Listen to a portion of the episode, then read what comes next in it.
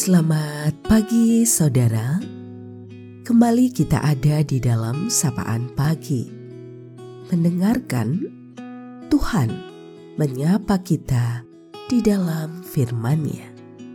Namun sebelum kita mendengarkan sapaan dalam firman itu Mari teduhkan hatimu dan kita berdoa.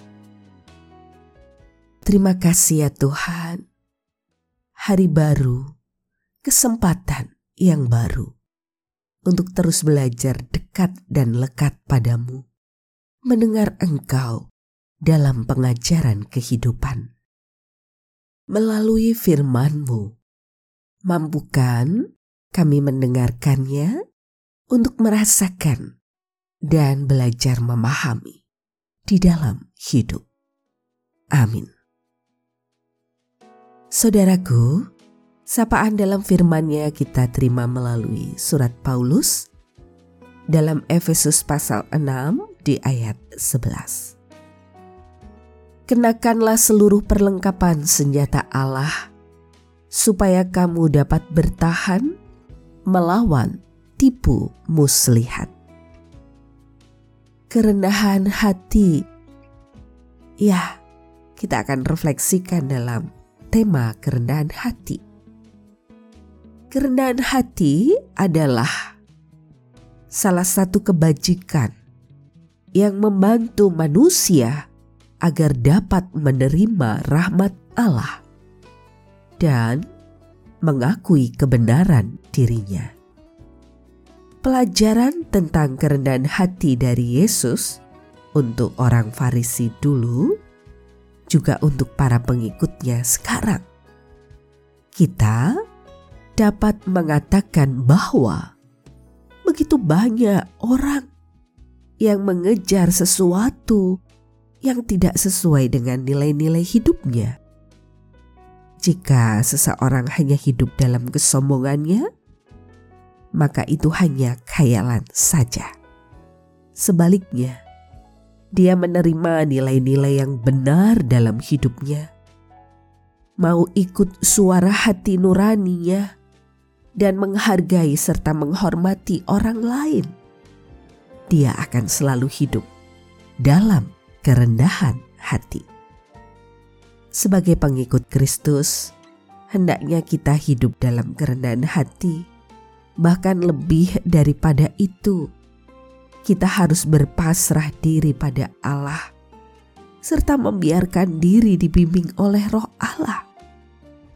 Menurut semangat Injil, orang yang sungguh rendah hati adalah dia yang menerima keterbatasan dirinya dan menyadari kekuasaan Allah.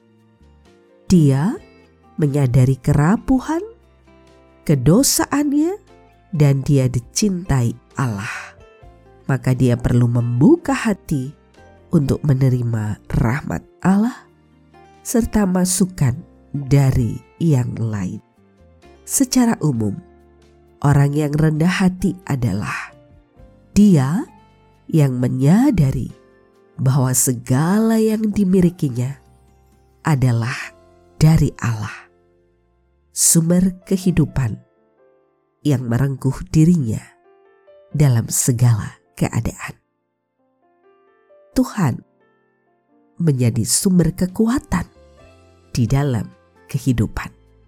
Maka kenakanlah seluruh perlengkapan senjata Allah supaya kita bisa bertahan melawan tipu muslihat iblis. Kenakanlah kerendahan hati. Kita akan akhiri sapaan pada pagi hari ini Mari kita berdoa.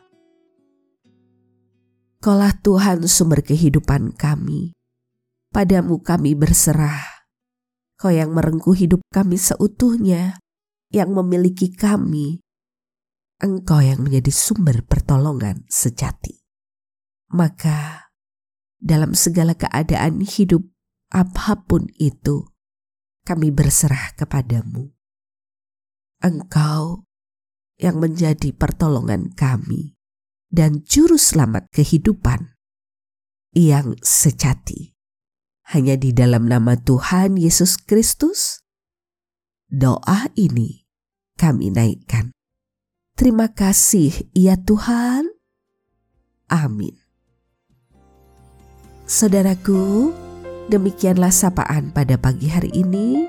Terus dengarkan, Tuhan menyapa kita di dalam firman-Nya.